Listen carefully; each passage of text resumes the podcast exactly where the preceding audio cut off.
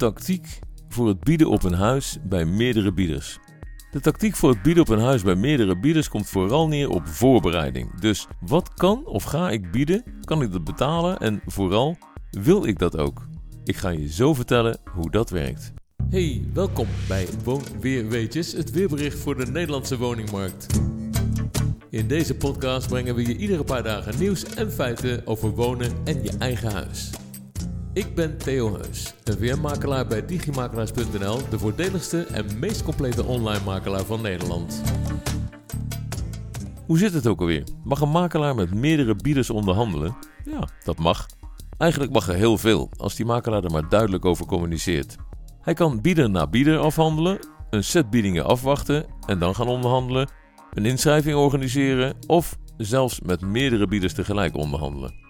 Hij mag geen bieders tegen elkaar uitspelen, dus hij mag niet vertellen wat een ander heeft geboden. Er kan een situatie ontstaan dat jij die eerste bieder bent, dat je in onderhandeling bent en dat er plotseling een hoger bod binnenkomt. Dan zou het kunnen zijn dat je de vraag krijgt om nog één keer je eindbod neer te leggen. Is het hoog genoeg? Dan heb je het. En is het te laag? Dan heb je het waarschijnlijk niet. Maar heel vervelend, zolang er niets op papier staat, mag iedereen dus doen wat hij wil en ben jij, net als de verkoper, zo vrij als een vogeltje in de lucht. De makelaar heeft dan vervolgens wel de taak om ervoor te zorgen dat het allemaal een beetje netjes gebeurt. Maar soms overrult een verkopende makelaar en mag hij de slechte boodschap aan je overbrengen. Er zijn een paar tips die ik je wel kan geven. Tip 1 is: zorg dat de verkopers je aardig vinden. Dus kijk of je ze tegemoet kunt komen in hun wensen, zoals de opleveringsdatum, het al of niet opnemen van een financieringsvoorbehoud en dat soort zaken. Probeer erachter te komen waar ze blij van worden en neem dat dan mee in je bod. Misschien kun je ook alvast iets overnemen uit de lijst van roerende zaken. Tip 2. Ken je limiet. Laat vooraf je hypotheekmogelijkheden berekenen. Weet hoe ver je kunt gaan en ga er niet overheen. Dat voorkomt teleurstellingen achteraf. Een link naar een financiële scan vind je in de toelichting onder de podcast. Tip 3. Zorg voor zekerheden. Bijvoorbeeld een briefje van je bank of van je financieel adviseur of van je accountant dat het allemaal goed zit en doe niet moeilijk over een waarborgsom of over een bankgarantie. Tip 4. Wacht niet te lang. Breng je bod zo snel mogelijk uit, op papier of per mail en motiveer het zo duidelijk, uitgebreid en zo vriendelijk mogelijk. Tip 5. Zorg dat je zo snel mogelijk alles op papier krijgt als de deal is gesloten. Tip 6.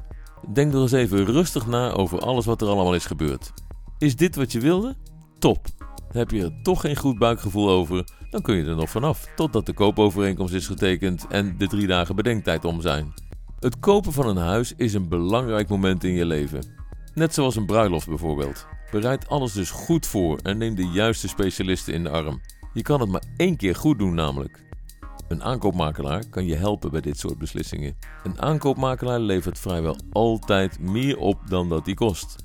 Klik op de link hieronder deze podcast om onze aankoopdiensten te bekijken. Maar wie je ook kiest, ik vind het belangrijk dat je de juiste keuzes maakt waarvan je later kunt zeggen: yes, dat was een goede zet.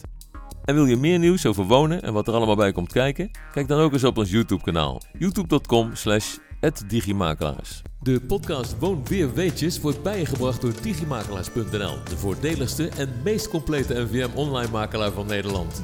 Wil je dat meer mensen op de hoogte blijven van de actualiteiten op woningmarktgebied? En wil je ons helpen de podcast nog bekender te maken? Doe dat dan door je op de podcast Woon Weer Weetjes van Digimakelaars te abonneren. Op iTunes, Stitcher, TuneIn of Spotify. De podcast is er ook als Alexa Flash Briefing. Je kunt de skill toevoegen aan What's the News of What's My Flash Briefing. Dan hoor je iedere dag de laatste nieuwe.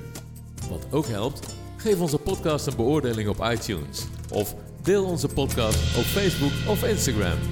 Super bedankt dat je luisterde en tot over een paar dagen.